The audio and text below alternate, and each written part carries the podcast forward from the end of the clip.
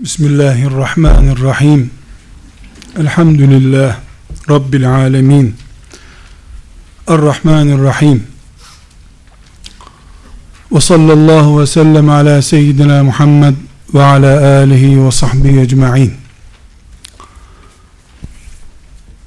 Değerli kardeşler, ümmeti Muhammed'in bir siyasi tarihi var. Bir de dini ve ilmi tarihi var. Yani bir fizik olarak üzerinde yaşadığımız topraklardaki insanlar olarak tarihimiz var. Bunu bir bölüm olarak düşünelim. Bir de Müslüman olarak bulunmamızdan kaynaklanan tarihimiz var. Bugünkü beraberliğimizde ikinci bölüme ait bir sayfa açmaya çalışacağız. Yani bizim fetihlerimiz, dış düşmanlarla ilişkilerimiz ve benzeri konularımızı değil, Müslümanlığımızın bize taşınma sürecindeki tarihten bir sayfa açmaya çalışacağız. Kardeşler, İslam Kur'an üzerine kurulmuş bir yapının adıdır. İslam demek Kur'an demektir. Kur'an'ın açıklaması durumundaki sünneti de beraberinde düşünürsek İslam Kur'an ve sünnet demektir. 14 asırlık tarihte İslam ne durumdadır diye bir tahlil yapacak olsak o yıla ait Kur'an ve hadisin ne durumda olduğunu anlatan bir vesikayı inceleyerek İslam'ın ne durumda olduğunu anlayabiliriz. Filan yılda İslam'ın durumu o yılda Kur'an'ın ne durumda olduğunun üzerinden tahlil edilebilir. Sünnetin ne durumda olduğunun üzerinden tahlil edilebilir. Bir Müslümanın iki Müslümanın iyi veya kötü durumda olmasıyla İslam'ın geneli adına yorum yapmak mümkün değil. Çünkü üç tane Müslüman İslam demek değil ki onların iyiliği veya kötülüğü üzerinden İslam adına bir değerlendirme yapabilesin. İslam Kur'an'ın yaşanan şekli ise Kur'an'a Müslümanlar nasıl bakıyorsa Kur'an o yılda, o ayda, o günde nerede duruyorsa İslam orada duruyor demektir. Resulullah sallallahu aleyhi ve sellem Efendimizin vefatından tarih başlattığımızda Kur'an'ın tarihini, sünnetin tarihini, dolayısıyla akidemizin, dinimizin, imanımızın, ahlakımızın tarihini incelediğimizde çünkü bizim ahlakımız demek Kur'an demek. Bizim ahlakımız demek siyasi kimliğimiz, sosyal yapımız, içtimai ilişkilerimiz hangi ismi koyarsanız koyun Kur'an demektir. Müslümanlar Kur'an'a çok bağlı ama ahlakları bozuk. Böyle bir şey mümkün mü? Çok ahlaklı insanlar fakat Kur'an'la alakaları yok. Hiç mümkün değil. Kur'an varsa ahlak var, ahlak varsa Kur'an var. Müslümanlar 24 saatin büyük bölümünü Kur'an'la geçiriyorlar. Oku oku oku Kur'an eskidi okumaktan sayfaları yırtıldı ama yalan da konuşuyorlar. Bunun biri yoktur muhakkak. Dolayısıyla neden? İslam demek, Kur'an demekse, akide, iman, Kur'an demekse, çok dindar insan fakat Kur'an-ı Kerim'e inanmıyor. Demek kadar gülünç olur. Resulullah sallallahu aleyhi ve sellem Efendimiz'den mesela 20 sene sonra Müslümanların siyasi ve askeri tarihini bir kenara bıraktığımızda akideleri açısından, imanları, ahlakları açısından tahlil ettiğimizde Resulullah sallallahu aleyhi ve sellem Efendimizin bıraktığı düzeyin bozulmadan korunmaya devam ettiğini görüyoruz. Neden? 20 sene sonra Resulullah sallallahu aleyhi ve sellem Efendimiz'den 20 sene sonra veya 30 sene sonra yaklaşık bir asır böyle devam etti. Peygamber aleyhisselam efendimizin bıraktığı Kur'an heyecanı aynen devam ediyordu. Efendimiz aleyhisselamdan 30 sene sonra 20 sene sonra herhangi bir Müslüman hem namaz kılıyor hem de valla bana göre bu ayet bu asırda uygulanır durumda değil filan demeye asla cüret edemiyordu. Kim bu adam sorusunun cevabı Kur'an'a bağlılığıyla ölçülerek ortaya konuyordu. Adamlık ölçüsü, insanlık ölçüsü, birisinin kızını isteyebilmekteki referans, bir ticarette ortak olabilme referansı, iyi adam, çok değerli bir adam denmesi, onun Kur'an'la ilişkisiyle ölçülüyordu. Ne kadar Kur'an'a teslim bu adam, o kadar adamdır. Bu kim? Özelliği ne? 10 yaşında Kur'an'la bağlantısı kurulmuş, ezberlenmiş. Ha güzel. 9 yaşında güne göre iyi değil ama 10 yaşında da olsa demek adam olacak bu ileride. Niye? Ölçü Kur'an üzerinden kurulu. Tıpkı şimdi nasıl para üzerinden birbirimizi ölçüyorsak, nasıl şimdi adamlık parayla ölçülüyorsa, verdiği borcu al, zamanında alıyor, borcu tekrar geri, yani hep para üzerinden dönüyor ya bizim iyilik kötü. Hatta hatta aile ilişkimiz, karı koca ilişkimiz bile para üzerinden kuruluyor. Maalesef. Şimdiki bunu Kur'an'a o para kelimesinin yerine Kur'an koyun. Ölçü bu. Münafıkların bile hafız olma ihtiyacı hissettiği bir zamandan söz ediyoruz o zamanı konuşurken. Kafirler bile Kur'an'la ilişki kurmak zorunda kalıyor. Çünkü geçer akçe Kur'an sadece. Elhamdülillah.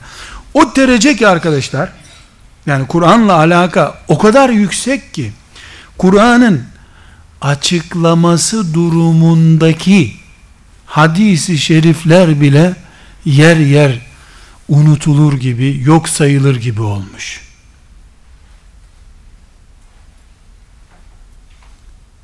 E, ne dediğimi umuyorum anlatabiliyorum. Yani hadis ki Kur'an'ın açıklaması demek. Onu bile yani sen ezberledin mi Kur'an'ı da bunlarla meşgul oluyorsun. Sanki böyle bir romanla yakalanmış gibi oluyor insanlar. O derece. Hele hele İslam'ın sisteminin oturtulduğu dönem Hazreti Ömer'in 10 yıllık hilafet dönemidir. Devlet yapısı, siyasi kimlik Ömer bin Hattab'ın döneminde oturdu. Allah ondan ve diğer bütün ashab-ı kiramdan razı olsun. Hele onun döneminde Kur'an kelimesi yani hiçbir daha eşi benzeri görülmemiş düzeyde çok ileri derecede itibar görmüş bir manzara sergiliyor. Yani Müslüman demek, akide demek, ahlak, anlayış, ticaret, her şeyi Kur'an üzerinden. Hayat Kur'an ya. Hani slogan olarak biz diyoruz önderimiz, rehberimiz Kur'an, kitabımız Kur'an. O zaman pratiği böyle bu işin. Şimdi adı sloganı kalmış durumda.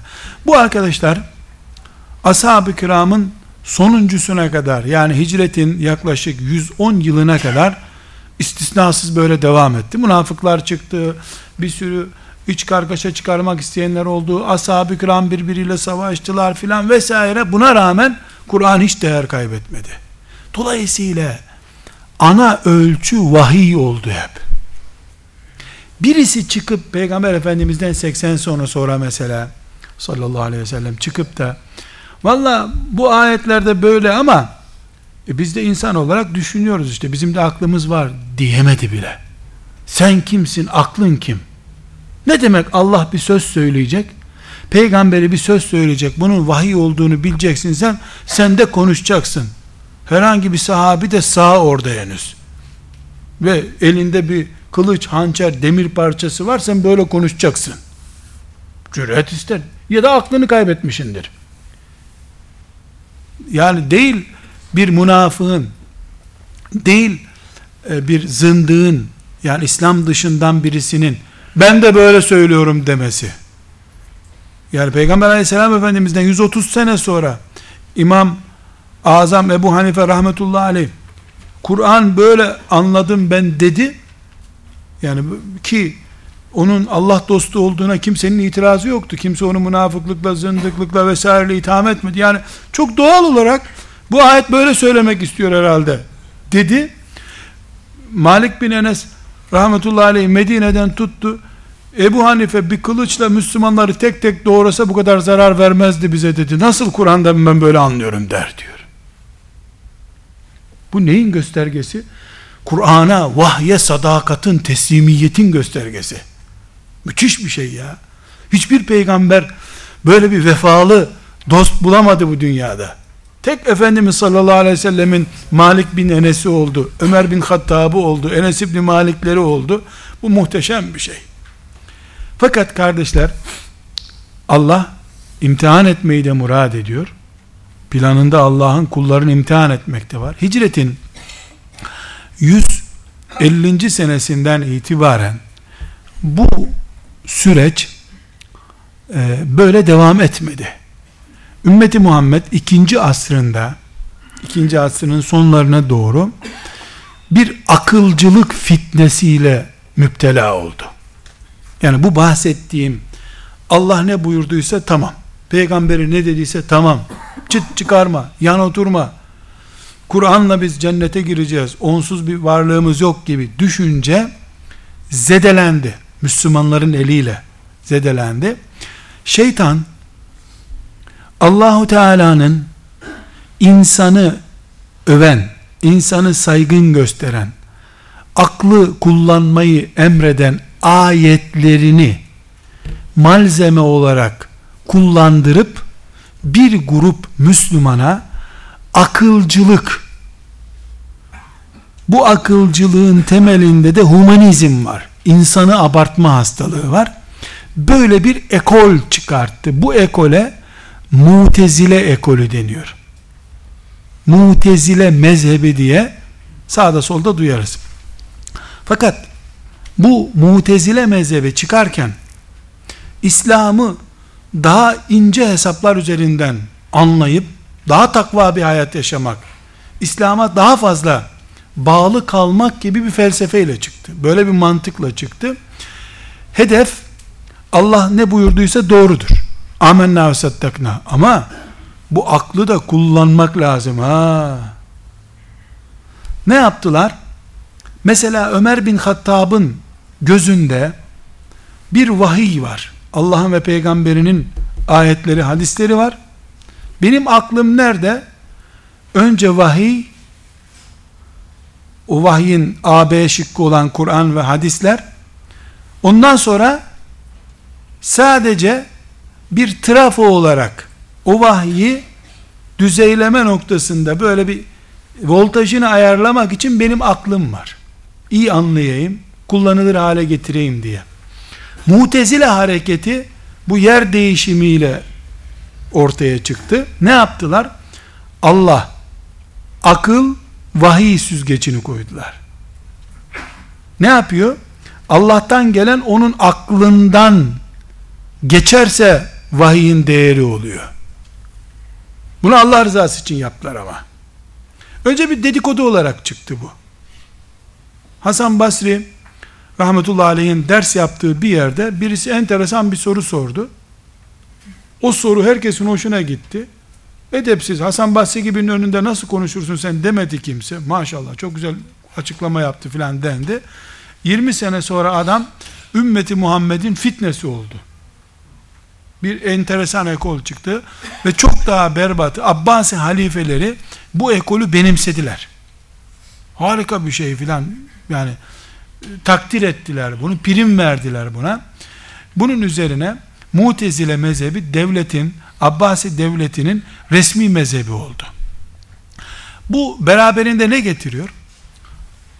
Tabi alimler halk böyle bir şeyden anladığı yok ama devlet başkanı, üç tane beş tane alim e, bir söz benimseyince herhangi bir sade Müslümanın, camide namaz kılan bir Müslümanın yanlış diyorsunuz diyecek hali yok. Koca koca adamlar, sarıklı adamlar, kadılar, meşayih falan vesaire böyle şeyler düşünüyorlar. Tutuldu Kur'an ve hadisler Bağdat'ta oturan alimlerin kontrolünden geçmeye başladı bu sefer. Aklı abartmanın sonucu olarak. Çok rahat bir şekilde bu Kur'an'da ayet var ama bunu aklım almadı benim. Bu ayeti sen sümen altı yap. Bu sureyi sümen altı yap.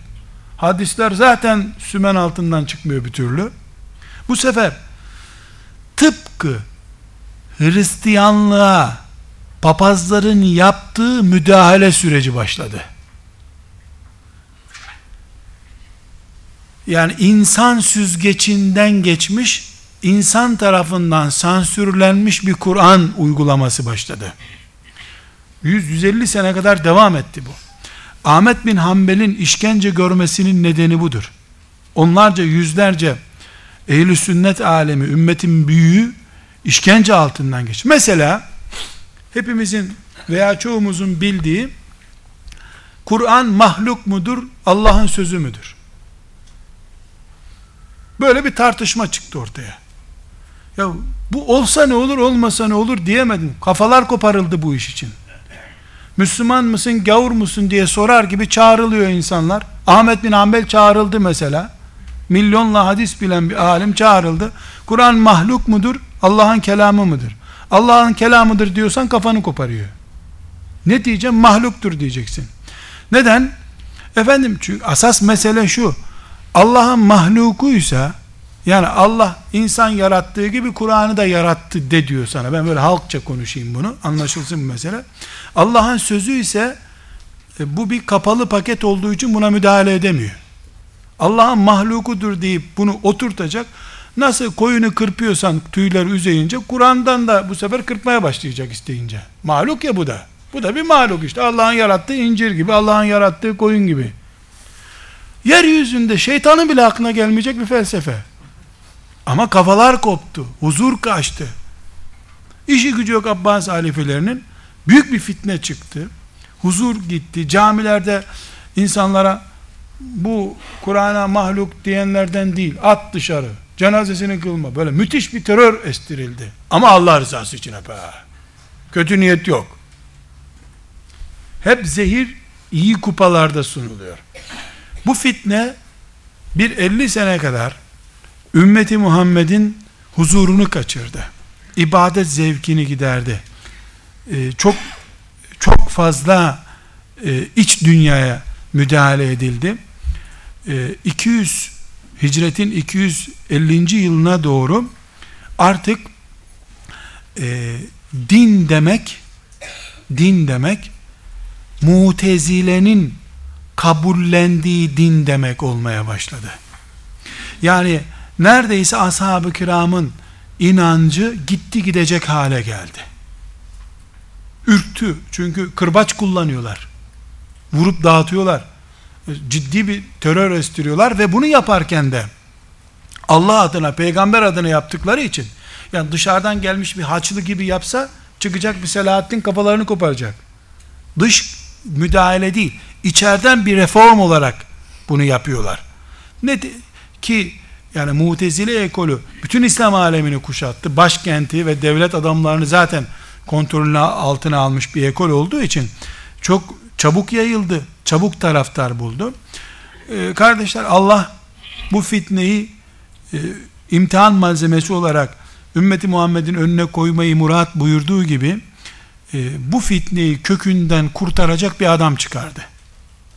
Mutezile'nin en iyi, en meşhur adamlarından Ebul Hasan el-Eş'ari rahmetullahi aleyh Eş'ari mezhebinin kurucusu olan e, 40 yıldan fazla bir zaman Eş'ari mezhebinin önde gelen baş danışmanlarından birisi olduğu halde bir gün e, evinde tefekkür halindeyken oturdu e, yaptığı şeyin yanlış olduğunu düşündü. Allah Teala kalbine ilham verdi, tuttu.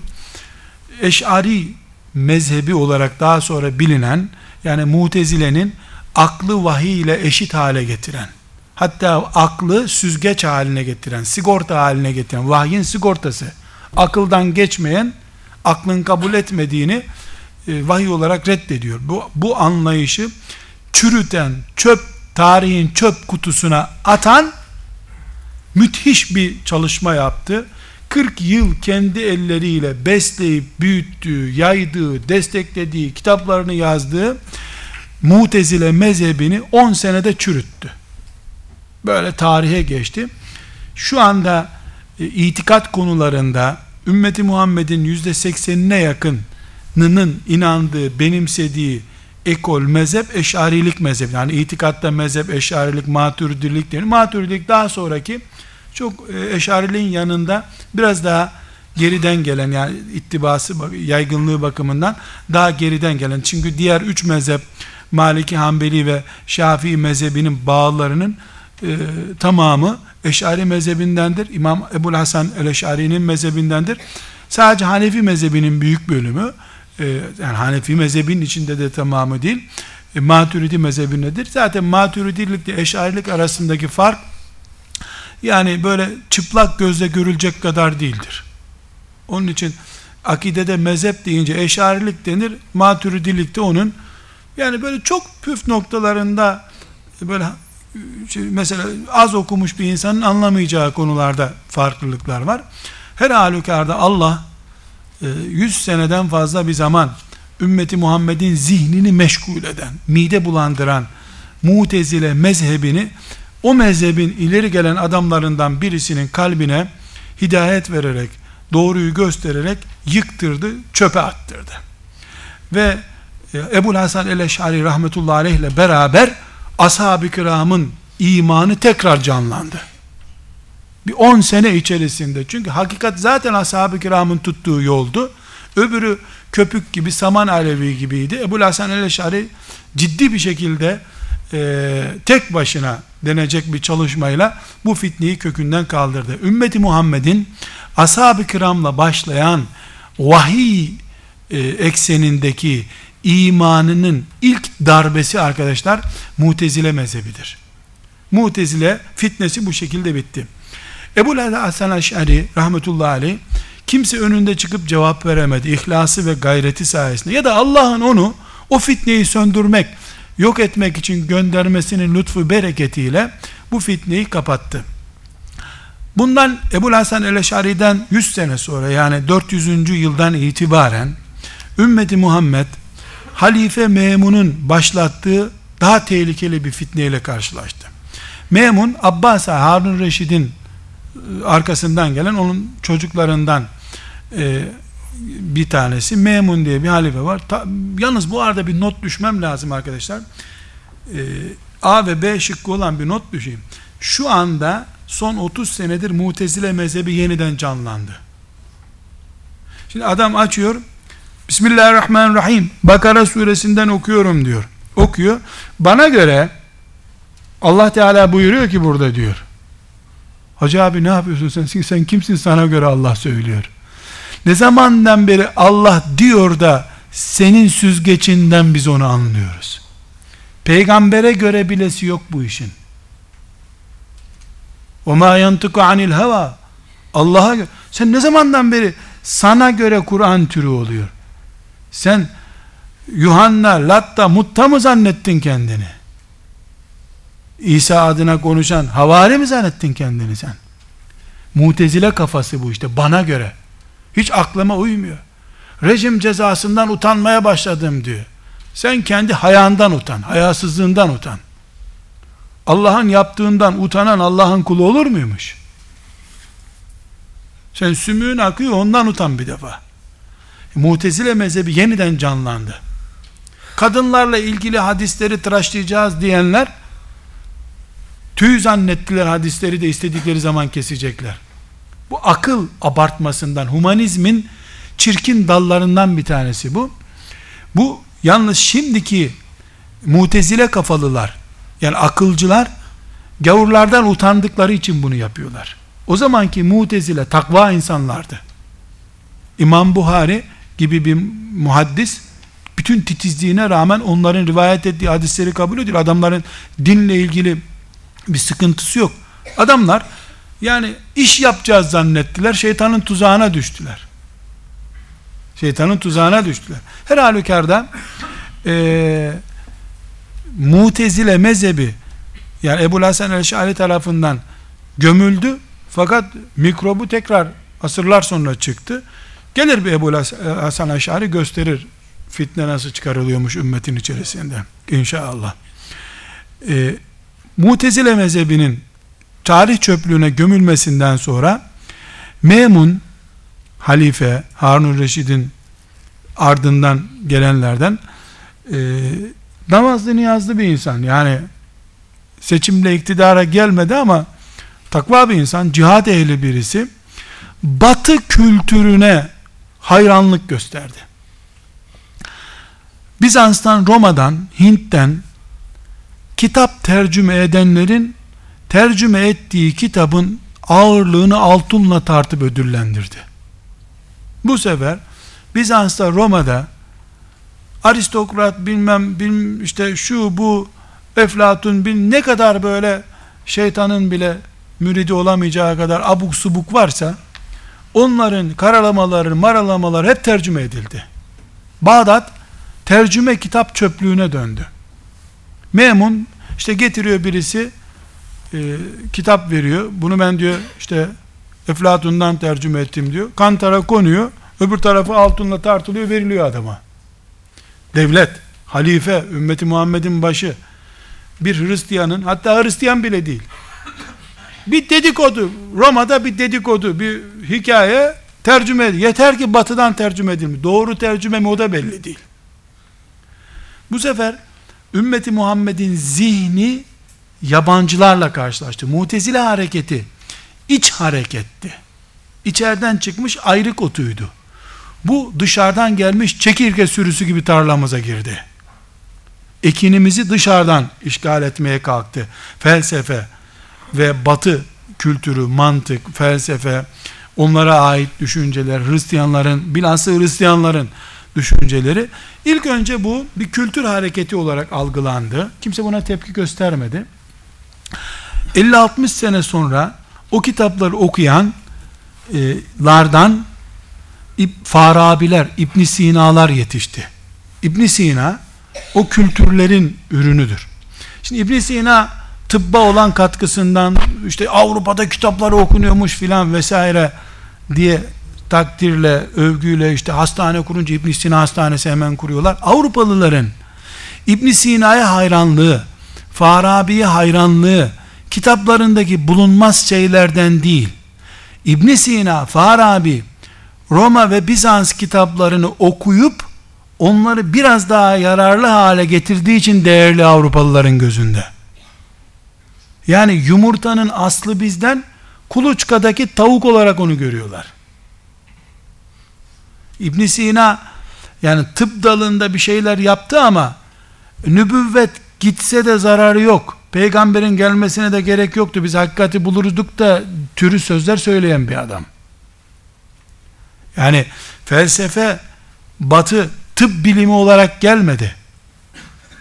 Yani mesela çok rahatlıkla Bağdat gibi bir yerde Ahmet bin Hanbellerin, İmam Şafiilerin yetiştiği, Ebu Hanifelerin yetiştiği bir yerde Allah dünyayı yaratmış olamaz. Dünya vardı eskiden. Allah bunu sonradan oturdu üstüne böyle gibi haşa. Meşhur kitaplardaki evrenin kıdemi veya sonradan yaratılması gibi. Biz neye inanıyoruz? Hiçbir şey yoktu. Allah yarattı diyoruz. Bağdat'ta oturuyor Farabi veya işte İbn Sina'lar vardı bu dünya diyor. Nasıl oldu? Ateş çok hızlı döndü, soğudu o arada, kabuğu oldu, kabuğu toprak oldu. Hikaye işte, okul kitaplarındaki hikayeler. Biz neye inanıyoruz? Neye inandırdı bizi Allah? Ol dedim de oldu her şey diye. O olu siliyor. Niye? Aristo'nun, Eflatun'un, Kant'ın kitaplarında böyle bir şey yok diyor. E, Kur'an'da var. E bu akla daha uygun diyor. Yani felsefe Kur'an'ın yerini Eflatun veya e, Aristolar Kantlar Efendimiz sallallahu aleyhi ve sellemin yerini almaya başladı. Ayet okuyana ama Kant böyle denmiyor. Eflatun böyle demiyor. Roma'da böyle değil bu denmeye başladı. Dinimizin yerini, Kur'an'ımızın yerini felsefe kapmaya başladı. Bu böyle şaka mıdır değil midir? Ciddi bir tehlike çıktı. Bu e, ciddi bir ıslahatla üzerine de gidilemedi. Çünkü bu süreci başlatan halife, bu bataklığı açan, tarlamıza sinek çağıran ümmetin halifesi çok ciddi bir e, sıkıntı ortaya çıktı. Koca koca alimler değer kaybetti. Şundan dolayı değer kaybettiler. Adam Buhari'yi ezber biliyormuş. Müslim'i ezber biliyor. 10 bin hadis, 100 bin hadis biliyoruz. Hangi felsefe kitabını okudun diye soruyorlar. Bunun tıpkı benzeri arkadaşlar şu anda var. Molla, adam hadis biliyor. Fakülte bitirdin mi? Yok. Belki zavallı aç keseceğim bu dünyada. Hafız olsun, alim olsun. Diploması yok. Bu yani aslında tarihte eski bir şey yok, yeni bir şey yok. Hep aynı dolap dönüp duruyor biliyor musunuz? Şimdi aynı şeyle tekrar karşılaştık. Şimdi adı felsefe değil diploma oldu. Hatta ve hatta o hale geldi ki bizdeki diploma bile değersiz illa Bulgaristan'dan öteye bir yere gidip alacaksın geleceksin diplomanı. Buradaki bile değersiz hale geldi. Bu kadar bir kör taklit süreci başladı. Şimdi bu büyük alimler var. Fakat kimse sözünü takmıyor. Böyle bir felsefenin fırtınası esti. Bu fırtına batınilik diye bir sıkıntı doğurdu. Batınilik yani felsefe neyi açtı? Konuşma hakkını Kur'an'dan olmayan, hadisten olmayan, Malik bin Enes'e ait olmayan şeyleri de felsefenin şu bu kuralına benzetip konuşma hakkı çıkardı ya bir defa.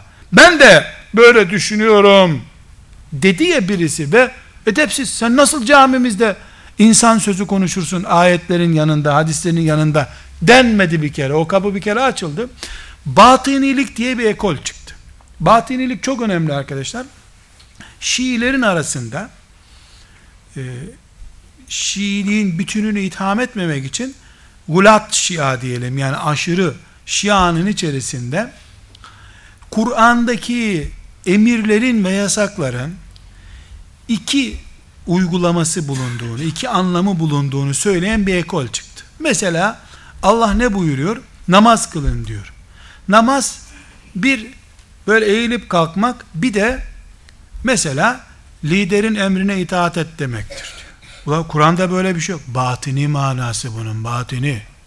Sen anlamazsın. Sen nereden anladın? Gizli bir lider söyledi bana. Kimsenin gizli liderin? Cafer-i Sadık filanca. Onlar nereye? Direkt Allah'a bağlı. Ama peygamber peygamberi geçmiş durumda onlar.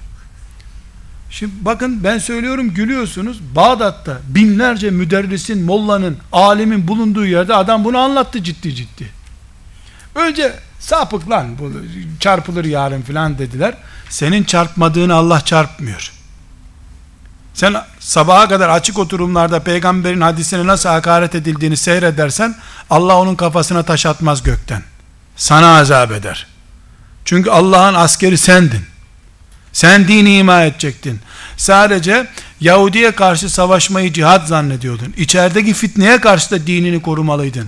Ashab-ı kirama hakaret edilirken neredeydin sen? Anlamadın mı? Ömer sallandığı zaman din sallanır. Bu hadis zayıf, bu şişman hadis denirken yarın Kur'an'a hakaret edeceğini niye anlamadın sen? Nerede basiretin senin? Nitekim onlar bu şekilde e, ümmeti Muhammed'in en mu mübarek, en kutsal değerleriyle oynarken e, yarın öbür gün ciddi alınacaklarını hiç kimse hayal etmedi. Yani çarpılacak gidecek sabah kadar. Ne biçim söz söylüyor lan? Oruç ne demektir biliyor musunuz bu adamların anlayışında? Diyor ki orucun zahiri manası yani dışarıdan anla sabahleyin başlarsın akşama kadar aç kalırsın. Bu aptalların ibadeti diyor. E peki orucun anlamı ne? Teşkilat sırrı saklayacaksın diyor. Kim te batinilik diye bir örgüt kurmuşlar. Bu sırrı yaymayacaksın. Oruç budur diyor. Reyyan kapısından girecek olanlar bunlar cennete diyor. Teşkilatın sırrını yaydın orucun bozuldu. Böyle bir enteresan bir sistem. Buna batınilik yani Dinin bir açık manası var, bir de gizli manası var. Bu bile hala silinmiş değildir.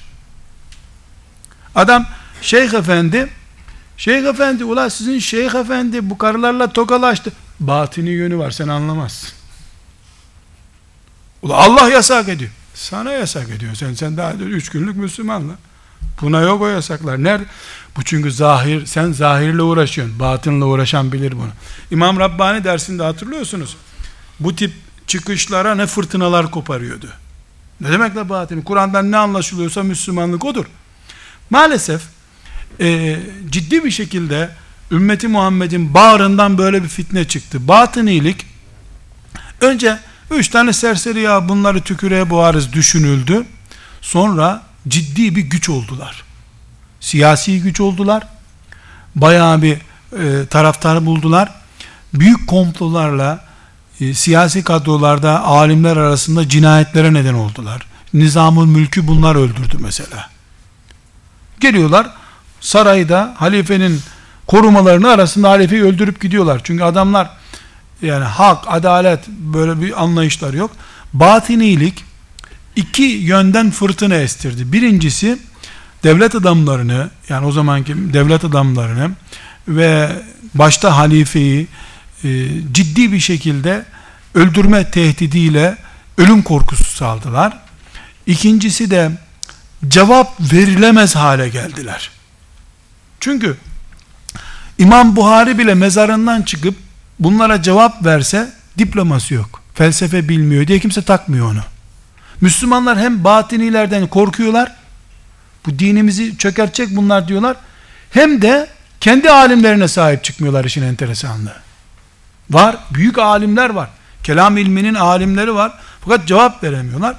Büyük bir kaos yaşandı. Hicri 4. asırla 5. asrın ortak sorunu batınilik ve felsefe sorunudur. Ama dediğim gibi bu bir siyasi sorun değil. Akide sorunu. İlk Ömer bin Hattab'ın, Ebu Bekir'in, Osman'ın, Ali'nin o sadakati, vahye teslimiyeti kaybolmaya başlamış. Din değer kaybediyor, onun yerine felsefe değer kazanıyor. En mukaddes, en mahrem kavramlarımız, mesela zina nedir diye soruyorsun. Ya bu eski Müslümanlar haram cinsel ilişki diyorlar. Asas manası o değil. Asas manası ne? Teşkilatın parasını kaçırmaktır diyor.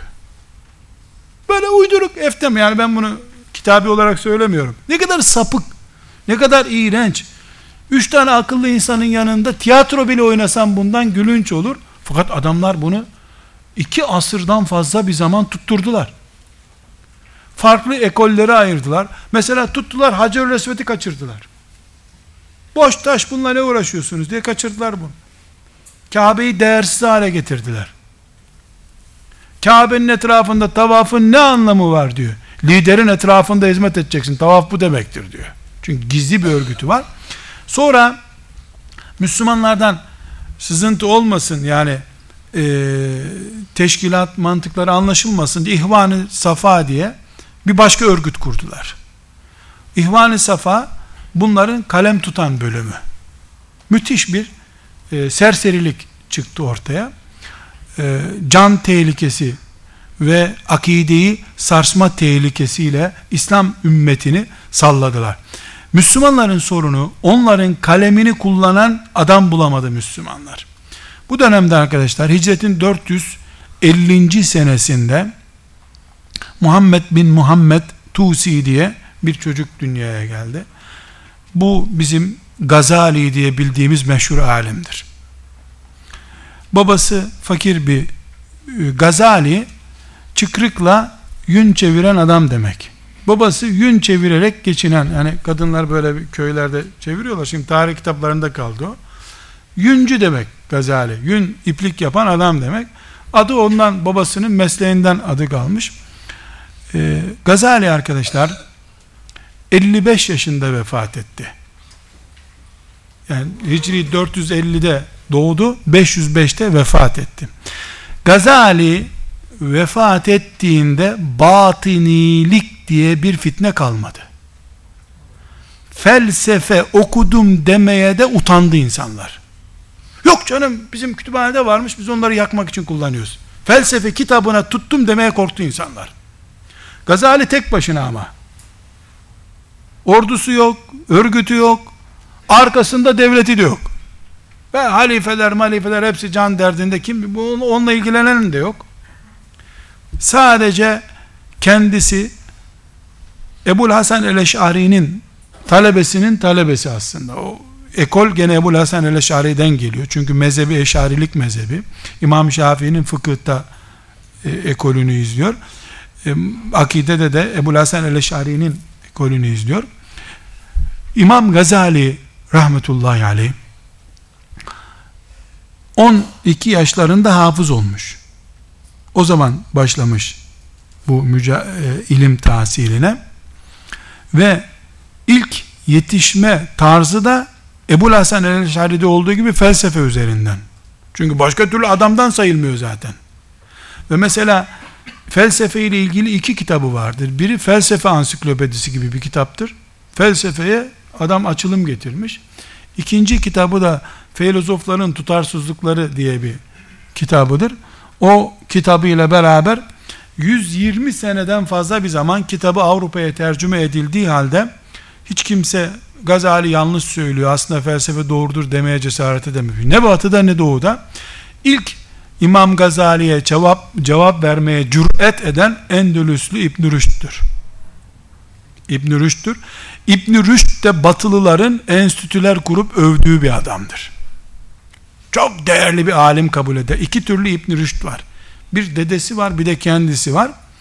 İbn Rüşd e, yani Endülüs kökenli e, tutmuş Gazali'nin filozofların tutarsızlıkları kitabına filozofların tutarsızlıklarının tutarsızlıkları diye cevap vermiş. Yani Gazali'yi çökertmeye çalışmış, gülünç hale düşmüş.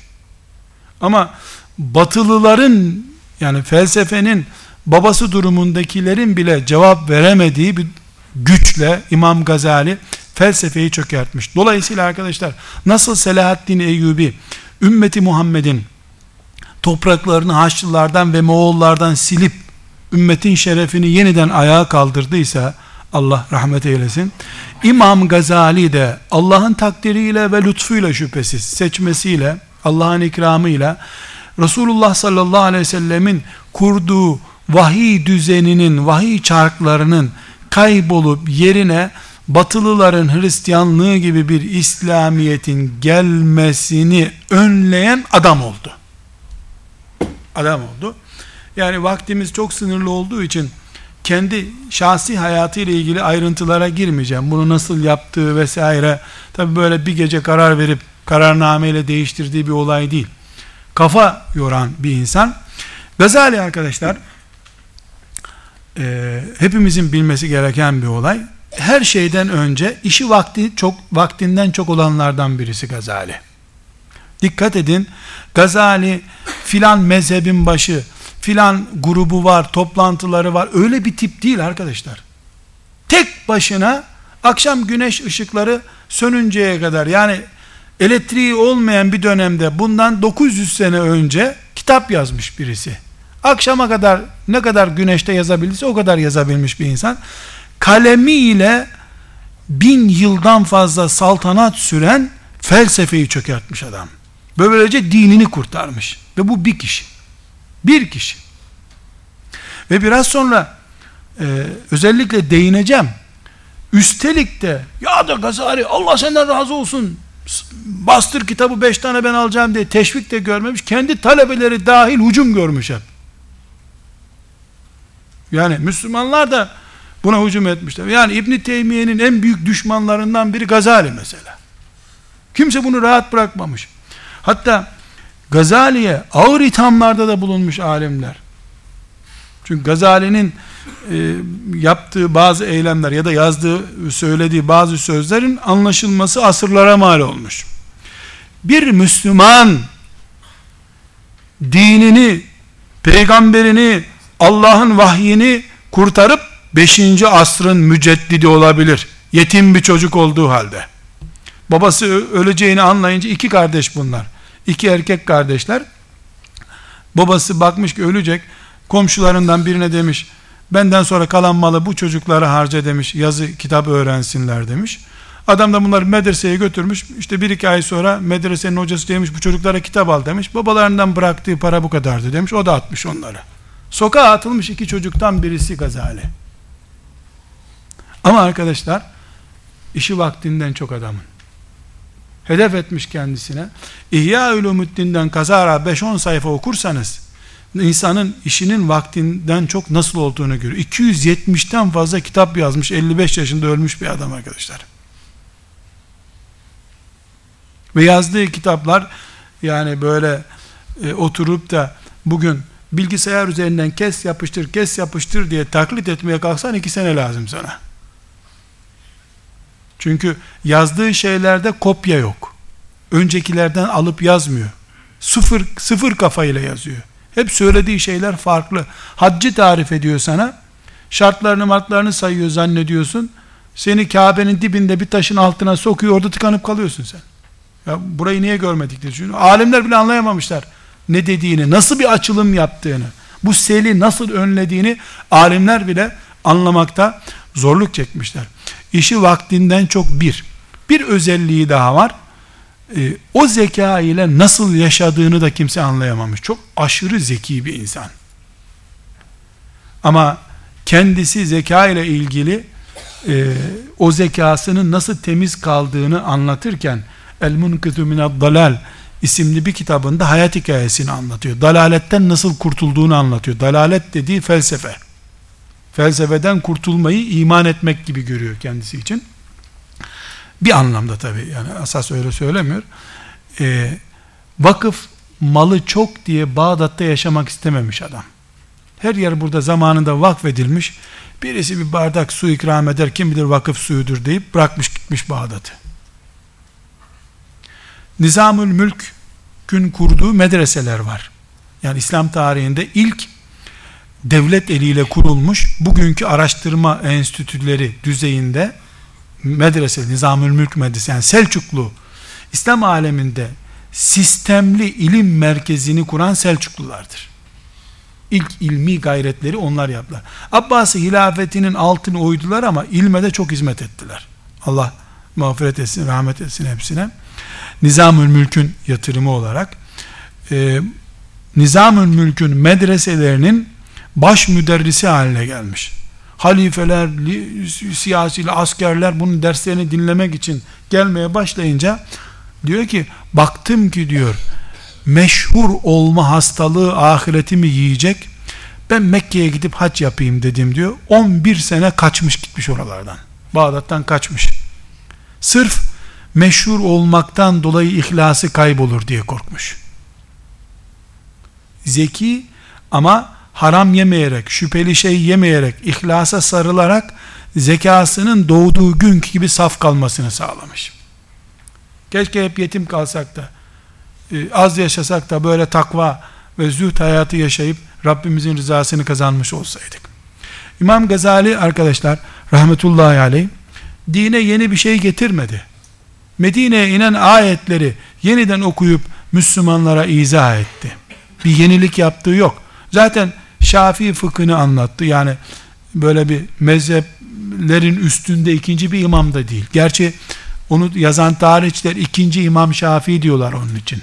Yani düzeyi fıkıhta bir imam Şafii düzeyinde ama her halükarda Şafii mezhebinden devam eden sadece yaptığı şey felsefecilerin ve batinilerin aşılamaz zanneden laf oyunlarını çöplüğe attı. Bir daha felsefe ondan sonra ciddi bir ilim dalı olarak ayakta duramadı. Bitti. Bunun için 1800'lü yıllarda Avrupa'da felsefeyi mezarlığa gömen bu adamın üzerinde enstitüler kuruldu arkadaşlar. İlk defa 1890'lı yıllarda yani bugünden 120 e, sene önce Gazali'nin bütün kitapları Avrupa'da araştırıldı. Hristiyanlar tarafından. 1919'da Amerika'da Gazali'nin bütün kitapları basıldı. Adamlar kendi temelleri olan felsefeyi çökerten adamın sırrını çözmeye çalıştılar.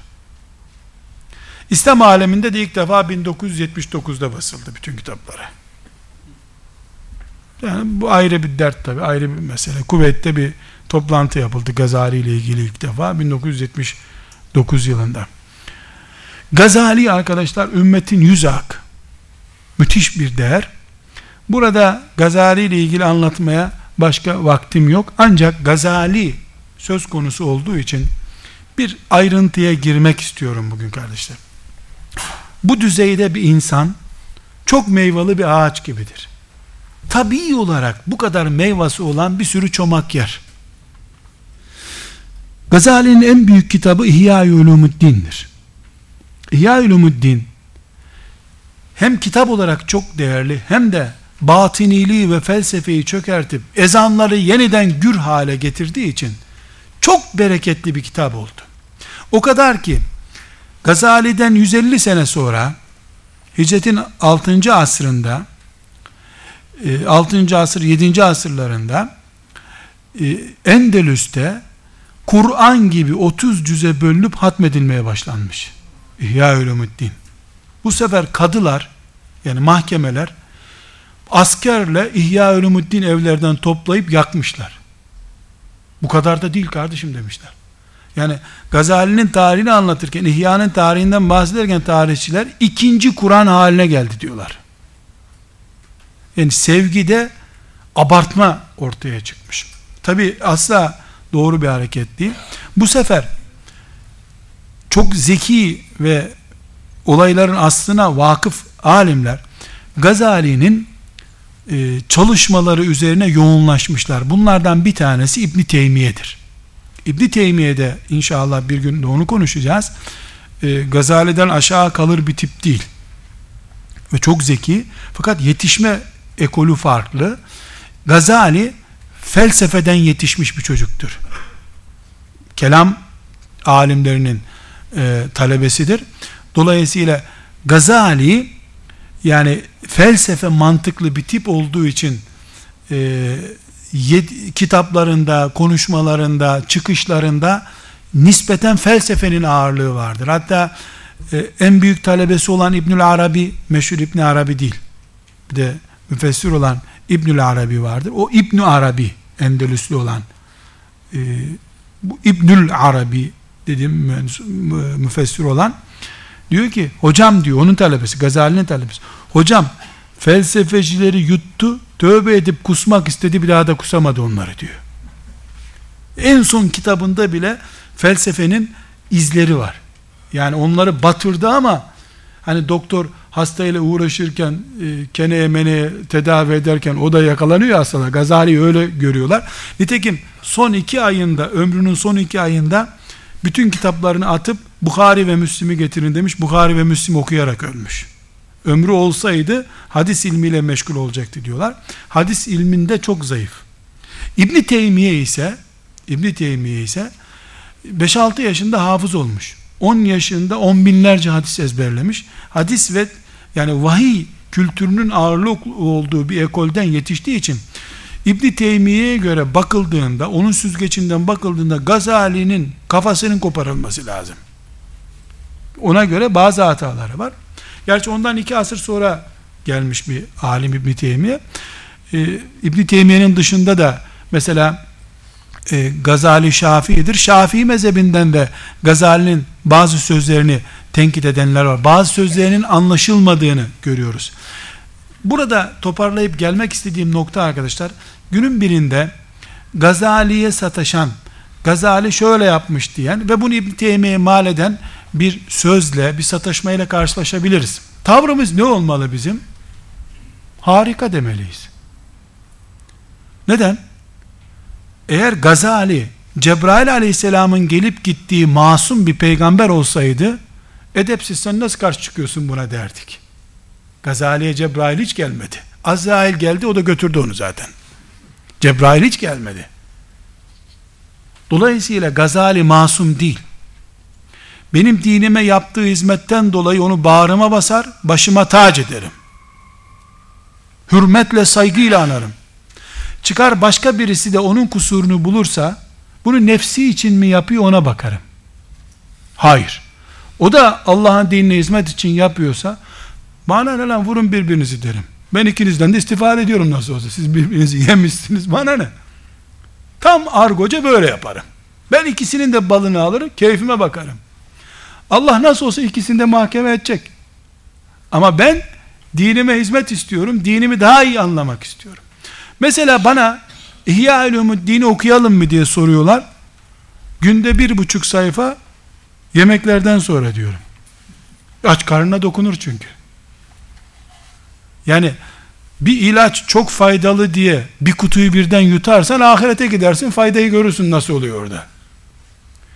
İmam Gazali'nin Nedvi, Ebul Hasan en-Nedvi rahmetullahi aleyh İmam Gazali'nin hayranlarındandır. Yani 5. asrı müceddidi olarak görüyor. Dine en büyük hizmeti yapan 5-10 insandan birisi olarak görüyor ashab-ı kiramın dışında. Ee, İhya Ulumuddin herkes okumasın diyor. Öyle okunacak bir kitap değil. Çünkü iki asra yakın bir zaman İslamiyet'i çökertmek için kurulmuş bir felsefenin reddedilmesi için yazılmış bir savaş kitabıdır bu. Sen bir tankı evine getirip çoluk çocuk oynayabilir misin? Tanktan oyuncak olur mu kardeşim? Ne yapıyorsun ya? Tüfekten oyuncak olur mu? Askerin tüfeğini alıp evde getirip oynarsan saat başı bir çocuk vurursun. Yani İhya Ulumuddin camide vaaz edilecek bir kitap değil. Ama Allah Gazali'nin ihlası yüzünden onun kitabına bir bereket vermiş kardeşim bin defa basıldı desem daha fazla basılmıştır. Cebinde beş kuruş olmayanlar aç kalıp o kitabı satın alırlar. Hala öyle. İhya Ulumuddin'i basan, Türkçesini basan servet kurdu bu ülkede. Bir cami yoktur ki orada bir İhya Ulumuddin olmasın. İmamsan almak zorundasın, müezzinsen, namaz kılıyorsan herkese satılacak, herkesin okuyacağı bereketli bir kitap gerçekten. Ama yemeklerden sonra bir sayfa, bir buçuk sayfa okunur. Yemeklerden sonra dediğim ne? Öncesinde daha böyle sana göre bir kitap okumuş olacaksın. Ya da bir, mesela İhya-ül e, ortalama 2000 sayfalık kalın bir kitaptır. 4 cilt olarak İslam aleminde basıldı ilk defa. Yani yaygın baskısı 4 cilttir. 14 ciltlik şerhi vardır. Ve e, Gazali ömrünün felsefede yani felsefenin kendisini cehenneme götüreceğine dair endişe belirince kafasında tasavvufa meyletmiş. İhya-ül yazması tasavvuf dönemine rastlar. Tasavvufun da elekleyebileceği kadar inceleme imkanını bir türlü bulamadı. Dolayısıyla tasavvuftaki sırlar, yani erbabının anladığı sırlar, İhya-ül ağır bir şekilde var. Tarikat şeyhlerinin bile anlamadığı cümleler var İhya-ül Belli başlı yine felsefeden kaynaklanmış, mantık ilminden kaynaklanmış incelikler var. Dolayısıyla e, İhya-ül e, halk açısından kapalı bir kitaptır. Şifa niyetiyle evde durur. Durduğu yere bereket gelir. Ona bir diyeceğim yok. Artı hadis ilmi açısından Gazali'nin bilgisi zayıf yetişme tarzı bakımından yani mevzu hadisler, uydurma hadisler de var kitapta. Bunları eleyebilecek birisinin denetiminde yararlı. Yani doktor kontrolünde kullanılabilir. Sen kendi kendine çok kutusu güzel diye kullanırsan en azından egzama yapar. Elinde kaşıntılar çıkarır. Dilinde kaşıntı çıkarır, eğri büğrü konuşmaya başlarsın. Batıni diye seni vururlar bu sefer.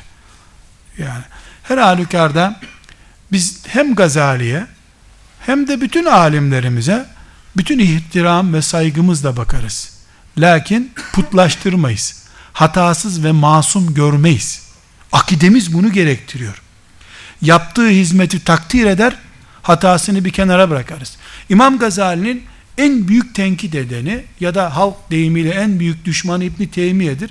Gazali'yi tanıtmaya başlarken diyor ki İhya Ulumuddin çok faydalı bir kitap. Hatalı şeylerini anlatmak zorundayım diyor. Kendisi okumuş, istifade etmiş ondan. Ama hatasını da ilim budur zaten.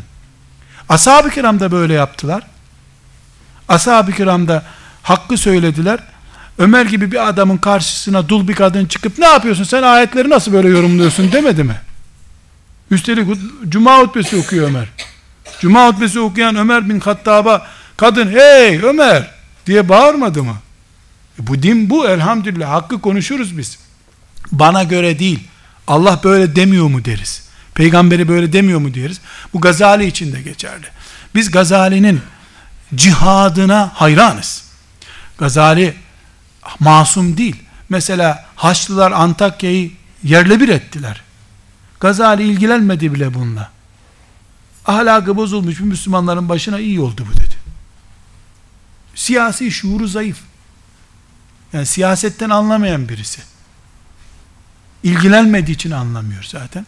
Mesela İhya Ulumuddin'i yazacağı zaman Emevi Camii'nin minaresine gizlenmiş 7-8 sene. İnsanları görmeyeyim kafam bulanmasın demiş.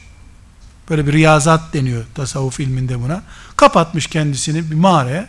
Mağarada gizli kalmış. Yani insanoğluyla e, ilişkisini kesmiş. Bir anlamda İhya Ulumuddin'i yazması yani o dönemden sonra İhya Ulumuddin'i yazması hiç e, kendinden 10 sene önce gördüğü topluma ait kafasındaki yorumlardan oluşuyor. Dinimize yaptığı hizmetten dolayı kıyamete kadar bütün müminler olarak minnettarız. Allah ona rahmet eylesin. Hürmet ve saygıyla anıyoruz. O kısacık hayatta 55 senenin bir kısmı çocukluk, bir kısmı e, onun da yetiştiği gençlik yıllar. Gerçi 30 yaşında Nizamül Mülk'ün medreselerinde e, baş müderris olmuş. Bu o tarihte o, onun zamanına kadar en erken müderris olan 50 yaşında olmuş. Yani erken yaşta meyve vermeye başlamış. Ama her halükarda biz Gazali'yi ümmetin büyüklerinden birisi olarak görür, imreniriz. İsteyene Allah yapacağı çok iş veriyor demek. İmkan veriyor. Bunu bundan anlarız. İki, Gazali'yi putlaştırmayız. Gazali'ye sövenlerin de çok iş yaptıklarını zannetmeyiz. Gazali'ye sövmek ibadet değil. Gazali'nin döneminin bir benzeri şimdi yaşanıyor. Batiniliğin bin bir çeşidi çıktı. Felsefe aldı götürdü, laiklik felsefeye rahmet okuttu. Sustursana. Gazali'nin 900 sene önce yazdığı kitapları tenkit ediyorsun. Sustursana laikleri. Ha? Hadis yok, rejim yok, şu yok, bu yok diyorlar. Cevap versene. Öldü gittik. Cevap tabi zindan ve mahkeme kapıda görünüyor.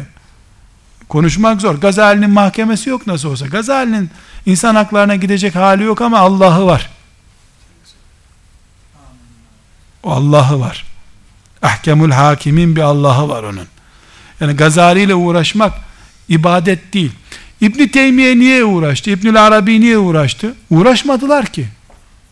Bunu yanlış söylüyor. Doğrusu budur dediler. Hakkıydı. Onu söylemeselerdi öyle, belki biz bugün Gazali'ye tapar hale gelecektik. Gazali'yi helak edecektik bu arada. Olan Gazali olacaktı zaten. Her alim için geçerli bu. Bütün alimler için geçerli. Hiçbir alimin masum, hatasız, ebedi doğru söylemesi mümkün değildir. Velev ki İmam Malik olsun, velev ki İmam Şafii olsun, velev ki Ebu Hanife olsun, ama çoluk çocuğun bu yanlış dedi diyeceği kadar da basit de değil bu iş. Herkes haddini bilmeli, herkes edebini bilmeli. Bu insanın 55 yaşına gelinceye kadar kurduğu servet üzerinden e, insanlar alim oldular arkadaşlar. Ben belki 50 tane arkadaşım var. Mekke'de bulunduğum yıllarda Gazali'de ahlak sistemi diye doktora yapmış adam. İhya Ulumuddin'den 20 sayfayı seçiyor, doktor oluyor. Öbürü Gazali'nin zekat anlayışı, Gazali'nin hac anlayışı. Gazali'nin kitabına tuttum diyorsun, doktora yapıyorlar. Sen doktor oluyorsun. Türkiye'de bile e, yani isim vermemiz Türkiye'de doğru olmaz. Bir sürü profesör insan tanıyorum. İhya-i Ulumuddin'e göre çocuk eğitimi diyor. 6 ay sonra doktor unvanı oluyor adam. Yani İhya-i Ulumuddin'i önüne koyuyorsun. Çocuk kelimesi hele şimdi hepten kolay. Programda var zaten. Çünkü Batılıların hazırladığı İhya Ulumuddin sitesi var internette arkadaşlar. Böyle enteresan bir şey. Orada yazıyorsun çocuk eğitimi diye. Çocuk eğitimi diye sana 50-60 tane Gazali'nin makalesini veriyor. Onları güzel başlıklandırıyorsun, götürüyorsun. Zaten senin danışman, profesörün hayatta öyle bir şey gördü yok maşallah diyor. Al sana doktor. 3 ay sonra da yardımcı doçent olarak üniversiteye giriyorsun. Alim. Yani Gazali sayesinde binlerce de profesörümüz oldu elhamdülillah. Hala ürün veriyor. Hala ürün veriyor. Herhangi bir konuda Gazali bir kitap yazdıysa o farklı bir şey zaten. Tekrar yapmamış için. Çocuklar için yazdığı Eyyüel Veled isimli kitabının belki 50 baskısı olmuştur bu memlekette. 10 yaşında çocuklar için yazdığı kitapta cinsel eğitiminden ana baba terbiyesine kadar her şeyi tarif ediyor. Müthiş birisi. Ve Allah'tan başkasından da korkmamış. Çünkü o batinilere cevap verdiği zaman her an kafasıyla bedeni ayrı yerde olabilirdi. Çünkü her cevap verenin kafası gitmiş önce. Ciddi bir terör hareketine, terör örgütüne cevap vermiş. Bütün batı dünyasını karşısına almış. Allah rahmet eylesin. Onu da bizi de e, ilmin bereketiyle, sünnete ittibanın bereketiyle cennetinde cem eylesin. Dolayısıyla kardeşler, biz İmam Gazali'nin her türlü hatasını da kabul eder bir durumda değiliz. Ama hata makinesi de değiliz biz. Nesin? Haddin ne? Kilon ne? Gramajın ne? Ne okudun kardeşim? Sana ne Gazali'den ya? Emsalleri tenkit etsin. Sen günün birinde mürekkep yalamaya başlarsan alıp ondan istifade edebilirsin. Burada tabi e, Gazali'nin e, cüreti, cesareti, alimlerle ilgili yorumları çok enteresan mesela. Dünyadaki fesadın temeli alimlerdir diyor. Alimler yüzünden bu hale geldi diyor. Makamlarını kaybetmemek için dikkat edin ha 2007'de konuşmuyor. 2007'den 900 sene önceki lafları koltuklarını kaybetmemek için diyor. Her şeye razı oldular diyor. Ümmette bu hale geldi diyor. Mesela burada e, teberrüken okuyalım alimlerle ilgili. Müslümanın öncelikleri konusunda ince ayarlar diye tespitleri var. Ee, yani hayret etmemek mümkün değil.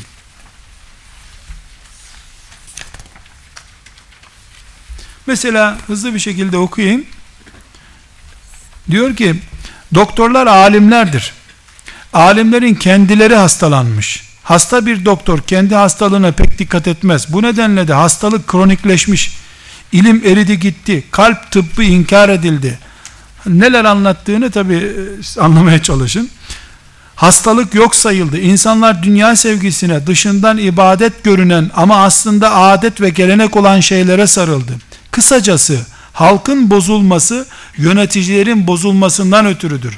Yöneticiler de alimler bozulduğu için bozuldular.